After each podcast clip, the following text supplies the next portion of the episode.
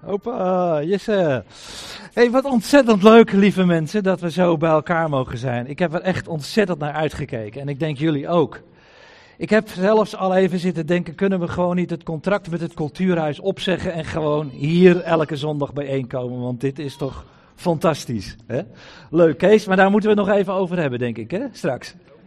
Hoeft niet meer, het is al, oh, het is al, het is al akkoord, joh. Het is al akkoord. Dus. Nou, geweldig. Nou, prachtig. Ja, Gerda zei eigenlijk al, uh, Ton, wat zou je hier uh, aan moeten toevoegen aan dat uh, schitterende verhaal wat Mariska vertelde. Schitterend, Maris. Ik weet niet waar je zit, maar in ieder geval, je hebt het eigenlijk prachtig uitgelegd. En inderdaad, wat zou ik er bijna nog aan moeten toevoegen? Maar dat ga ik wel doen, want ik wil jullie graag meenemen naar Handelingen 2. En uh, vanwege de wind heb ik maar gewoon alles eventjes in een uh, schriftje gezet. Want ik denk anders blaast misschien de wind alles weg. Want ook dat kan de wind doen. Maar die wind wil ons natuurlijk vooral vervullen. Hè? Als we denken aan de Ruach, de geest van God, die we ja, mogen gedenken dat hij op de Pinksterdag uh, is uitgestort. En daarvan willen we dan lezen Handelingen 2. Trouwens ook ontzettend leuk, ook al die mensen die we de hele tijd natuurlijk niet gezien hebben. We denken ook eventjes uh, aan, uh, aan Hanna en aan Andries en aan vele anderen. Leuk joh, dat jullie ook de moeite hebben genomen om naar deze dienst te komen. Geweldig.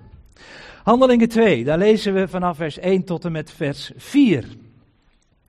En toen de dag van het Pinksterfeest vervuld werd, waren zij allen eensgezind bijeen. En plotseling kwam er uit de hemel een geluid als van een geweldige windvlaag. En dat vervulde heel het huis waar zij zaten. En aan hen werden tongen als van vuur gezien, die zich verdeelden. En het zat op ieder van hen. En zij werden alle vervuld met de Heilige Geest en begonnen te spreken in andere talen, zoals God hun gaf uit te spreken. Nou, zoals gezegd, het is natuurlijk een geweldig moment geweest voor de discipelen. De Heer Jezus had het hen al beloofd. Je kunt dat lezen in Handelingen 1, vers 4, dat in het voorgaande hoofdstuk. Dat inderdaad de Heer Jezus had gezegd dat de belofte van de Vader zou komen. En dat ze in Jeruzalem, de stad van de grote koning, waar dat geweldige gebeuren zou plaatsvinden, waarvanuit natuurlijk ook dat woord over de aarde verspreid zou moeten gaan worden dat ze daar moesten wachten op de belofte van de Vader. Het is trouwens grappig als je dat leest, dat woord verwachten wat daar staat in, in hoofdstuk 1 vers 4, dat is, bestaat eigenlijk uit twee woorden. Het is, het is eigenlijk letterlijk een, een volhardend verwachten, een blijven verwachten. En uh, toen ik uh, deze dienst, uh, ja, deze overdenking zo, zo voorbereidde, moest ik denken, ehm, ja, wat hebben wij ook met elkaar lang gewacht op dit moment. Hè? En wat hebben we het soms ook best wel moeilijk gevonden. Hè? Volhardend te blijven verwachten, volhardend te blijven verwachten dat er weer een moment zou zijn dat we bij elkaar uh, mogen komen. En ja, dan is er natuurlijk heel veel overeenkomst. Hè? Want we hebben net al gezien, toen de dag van het Pinksterdag vervuld werd, hè, waren ze allen eensgezind bijeen. Nou, zo mogen we ook vanmorgen hè, ook eensgezind met elkaar bijeen zijn. Waarom? En daar komen we straks nog even over te spreken. Omdat de verbinder, als ik hem zo mag noemen, de Heilige Geest is gekomen. Het is de Geest hè, die ons ook vanmorgen wil verbinden. En dan prachtig eigenlijk ook die parallel te zien hè, op die Pinksterdag. Het werd al gezegd, het was een, natuurlijk een geweldige openluchtdienst hè, die daar gehouden werd. Mariska vertelde het al, zo'n 3000 mensen die daar tot geloof zijn gekomen. En zo mogen we ook vanmorgen met elkaar ja, eigenlijk luisteren naar de grote daden, de grote werken van God, die iedereen in zijn eigen taal mocht verstaan. Uh, het is wel bijzonder dat daar staat, hè, toen de dag van het Pinksterfeest werd vervuld. Wel goed om daar heel eventjes bij stil te staan, want letterlijk staat er toen de vijftigste werd vervuld. Het woord Pentecoste betekent vijftigste. En wat, wat betekent dat? Nou, eigenlijk moest, dat, moest Israël rekenen vanaf de dag van de eerste oogst, hè, dat de eerste uh, oogst in Israël. Uh, uh, dat de sikkel daarin kwam en dat, dat die als een offer gebracht werd naar de Heere God. Vanaf dat moment moesten zij 50 dagen moesten zij tellen. En dan was daar dat Pinksterfeest. Het sta, de, de, de Bijbel, de Oude Testament noemt het ook wel het, het wekenfeest. Het is zeven weken, zeven keer zeven. Je zou kunnen zeggen, het is volheid keer volheid. Dat is eigenlijk Pinksteren. En dan die vijftigste dag, dat is die, die eerste dag die volgt op die volheid. Die, die vijftigste dag zou je ook kunnen zeggen, dat is, ja, dat is dat nieuwe begin, dat aanbreekt. Na, na die zeven weken, na, na die volheid die God wil geven door de uitstorting van de Heilige Geest. En de uitstorting van de Heilige Geest is ook weer het bewijs, het grote teken, hè, lezen we eh, in de Bijbel, van de verheerlijking van de Heer Jezus Christus. Dat alles houdt met elkaar verband. Nou, prachtig dus dat bij die eersteling, hè, die, die bij, eh, als een eersteling garve aan de Heer werd, werd gebracht, als een beweegoffer, uh, dat, dat Paulus in 1 Korinthe 15 ook spreekt over de eersteling. En de eersteling, ja, is dan niemand anders dan de Heer Jezus Christus. Hè. Paulus die spreekt over de eersteling, de Heer Jezus, van hen die ontslapen zijn.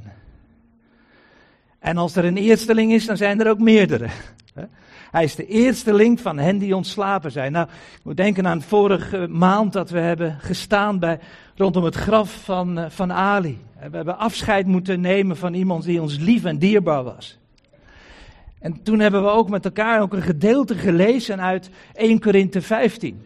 Waar inderdaad gesproken wordt over de Heer Jezus als de eersteling die, die is opgestaan uit de dood. En we hebben die teksten ook gelezen, hè, dat, dat het eigenlijk niet een begraven is, maar dat je dat lichaam zaait. Je zaait dat lichaam in de aarde. En Paulus zegt, het lichaam wordt gezaaid in vergankelijkheid, maar het wordt opgewekt in onvergankelijkheid. Dat is de geweldige hoop. Het wordt gezaaid in oneer, maar het wordt opgewekt in heerlijkheid. Dat is de hoop van het evangelie. En dat is ook de troost van het evangelie. Zoals we die vorige maand ook in die dienst, die afscheidsdienst ook zo met elkaar hebben mogen ervaren. Er lag ook nog een woordje waar ik heel even bij wil stilstaan. Uh, dat is dat woordje vervuld. Hè. Toen de vijftigste dag, hè, de vijftigste werd vervuld. Daar zie je de, het volheid. We hebben al even gezien het getal 7 maal 7, de volheid. Het werd vervuld, de vijftigste werd vervuld. Als je verder leest, dan in vers 2, dan lees je over dat het hele, dat hele huis waar zij zaten met een windvlaag werd vervuld. Weer dat woordje vervullen. En, en ja, toen ik dat zo las, moest ik dan denken ook aan de, de, de, de inwijding van de tabernakel en later van, van de tempel. En je weet, je kent ongetwijfeld wel die geschiedenis, hè, dat, dat die werden vervuld met de heerlijkheid van God.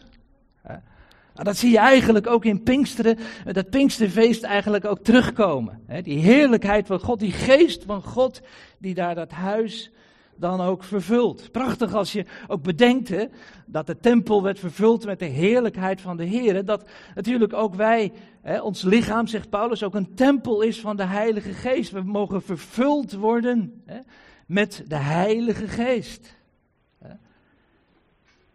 Al nu, en dat staat er dan ook in vers 4. Hè? Zij werden vervuld met de Heilige Geest. En weet je, dat woordje vervulling komen we nog een keer tegen. En dat is dat we lezen in, in Handelingen 3, dan heb je eigenlijk een hoofdstuk verder, dat is die tweede toespraak van Petrus. Dat hij daar dan zegt hè, tegen zijn volksgenoten, zoals hij ook in in de Pinkse toespraak tot zijn volksgenoten spreekt, hè, tot die Israëlitische mannen, hè, waar ook proselieten bij waren uit allerlei eh, volken, uit allerlei landen, hè, die allerlei, allemaal in hun eigen taal die geweldige boodschap mochten horen. Het is opmerkelijk dat in, in hoofdstuk 3 dan eh, Petrus dan zegt, maar de vorst van het leven, zegt hij dan tot zijn volksgenoten, hebt u gedood, die God uit de doden heeft opgewekt, waarvan wij, zegt hij, getuigen zijn. We hebben dat gezien. We hebben, mogen die zeker hebben. We hebben hem die levende heiland gezien die de dood heeft overwonnen.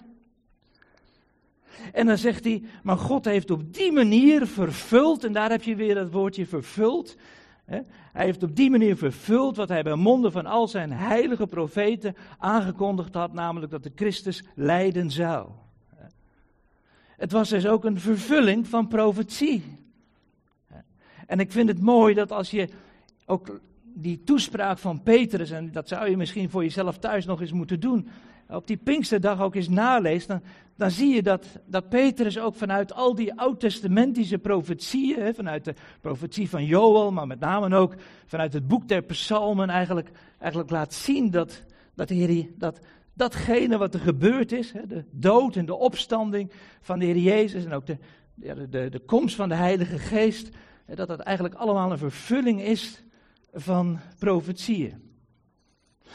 En dan heel mooi als hij dan uh, ook verwijst naar wat David zegt in Psalm 16.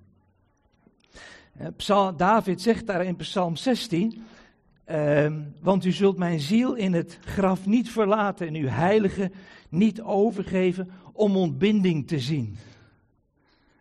En het is die profetie die, die Petrus op die Pinksterdag gebruikt om te laten zien dat Petrus dit inderdaad wel gezegd heeft, maar dat het in feite een profetie is van de Heer Jezus Christus. Want zegt Petrus, ja, zijn graf, het graf van David is tot op de dag van vandaag nog onder ons, dus hij kan het eigenlijk nooit over zichzelf gezegd hebben.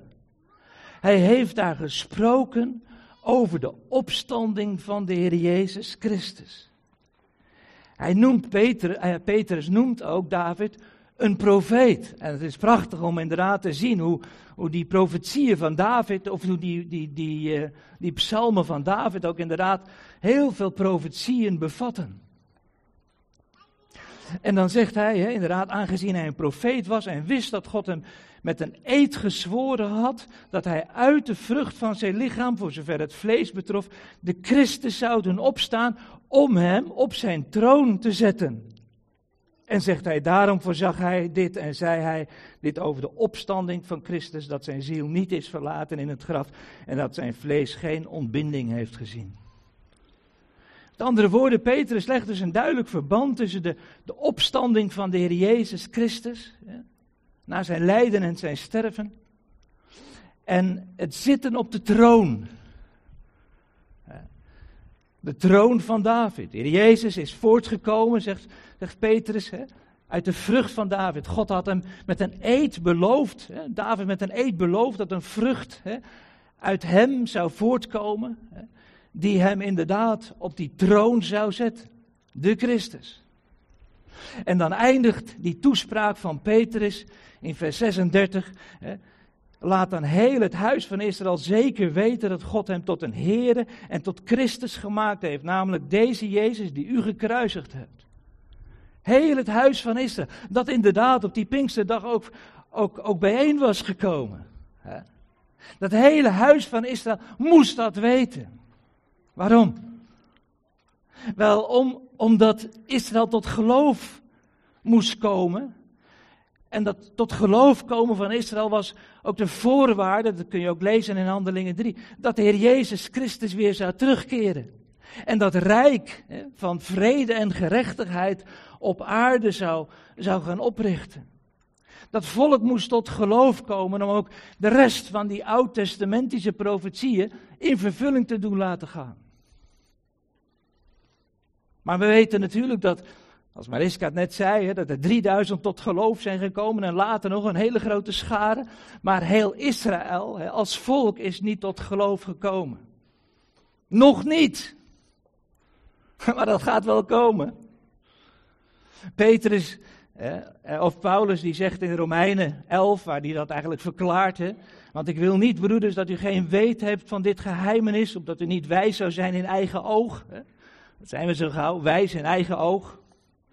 Dat er voor een deel verharding over Israël gekomen is, totdat. Lees je dat? Er is een deel, voor een deel verharding over Israël gekomen, totdat. Ja, want er gaat verandering komen. Totdat de volheid, daar heb je het woord volheid weer een keer. Zie je de herhaling van het woord volheid? Totdat de volheid van de heidenen is binnengegaan. En dan staat er, en zo zal heel Israël zalig worden, zo gelijk geschreven staat. De verlosser zal uit Sion komen en hij zal de goddeloosheden van Jacob afwenden. Wat een geweldig moment zal dat zijn, als die verlosser zal komen. Als die verlosser ook een fysieke verlossing zal geven. Ik moet net denken aan die, aan die elf dagen van die verschrikkelijke oorlog tussen Israël hè, en de Palestijnen. Dat Gigaze oorlog. Die dood en verderf heeft teweeggebracht.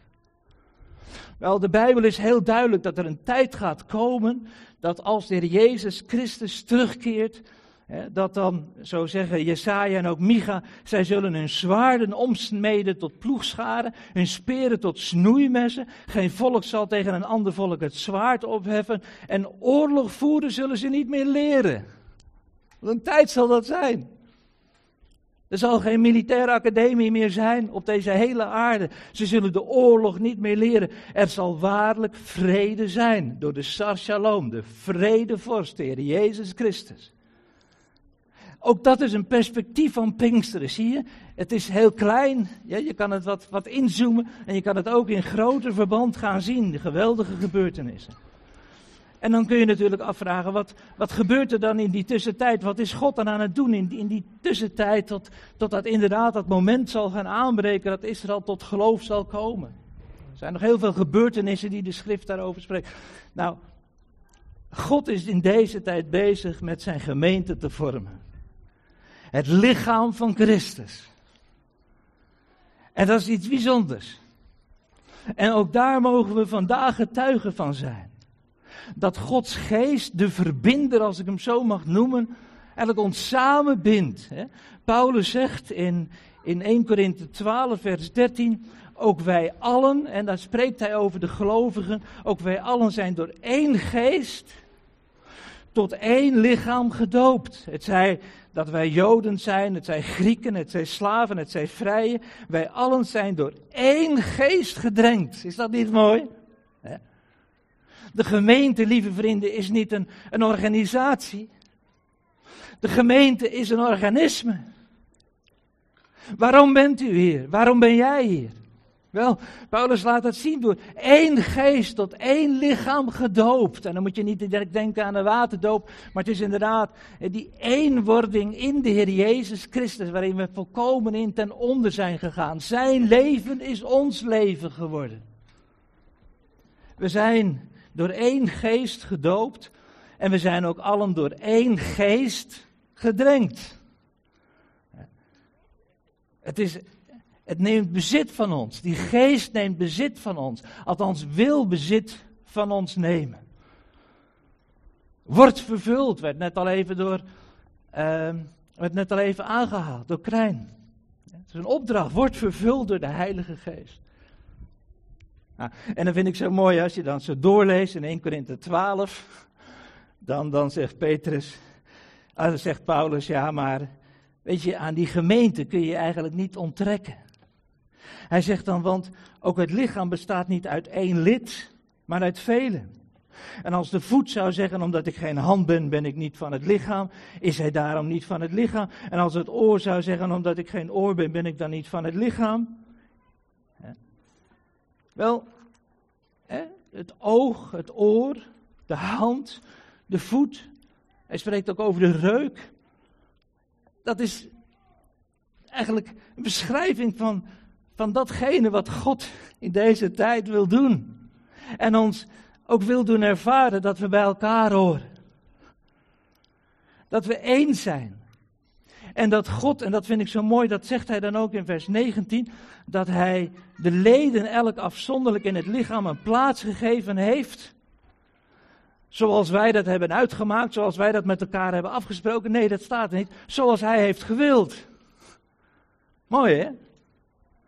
Het is niet zoiets dan, iets van, van wij bepalen wel dit of dat of zus of zo. Nee, het is geen organisatie, het is een organisme. God bepaalt de plaats van ieder in dat lichaam.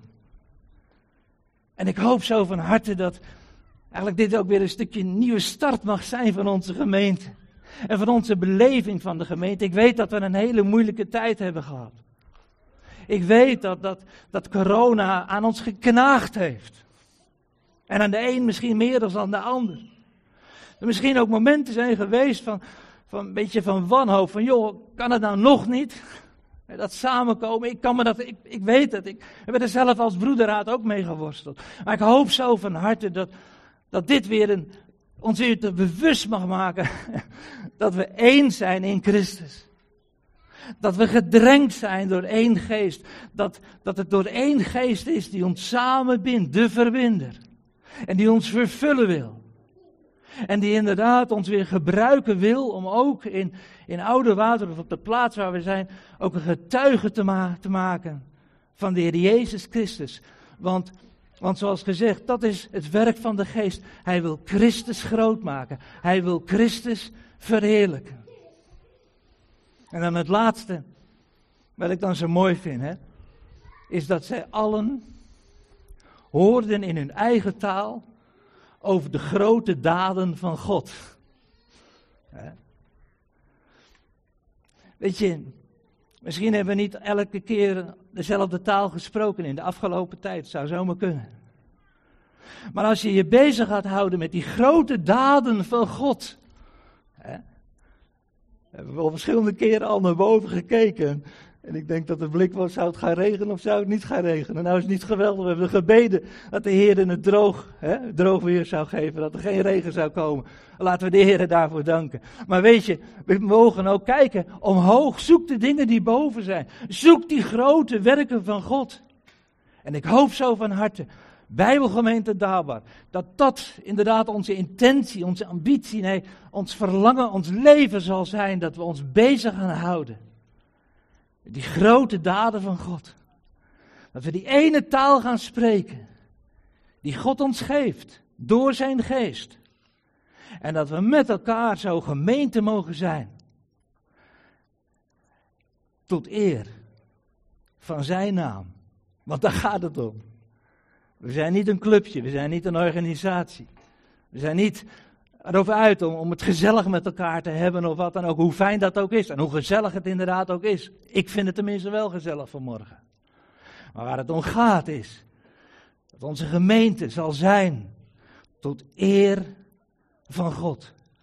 Hij is het hoofd. Wij zijn zijn lichaam. En wij zijn ieder individueel leden van dat lichaam, gesteld op een plaats die God zelf van tevoren bepaald heeft geloofd en geprezen zij zijn wonderbare en heilige naam.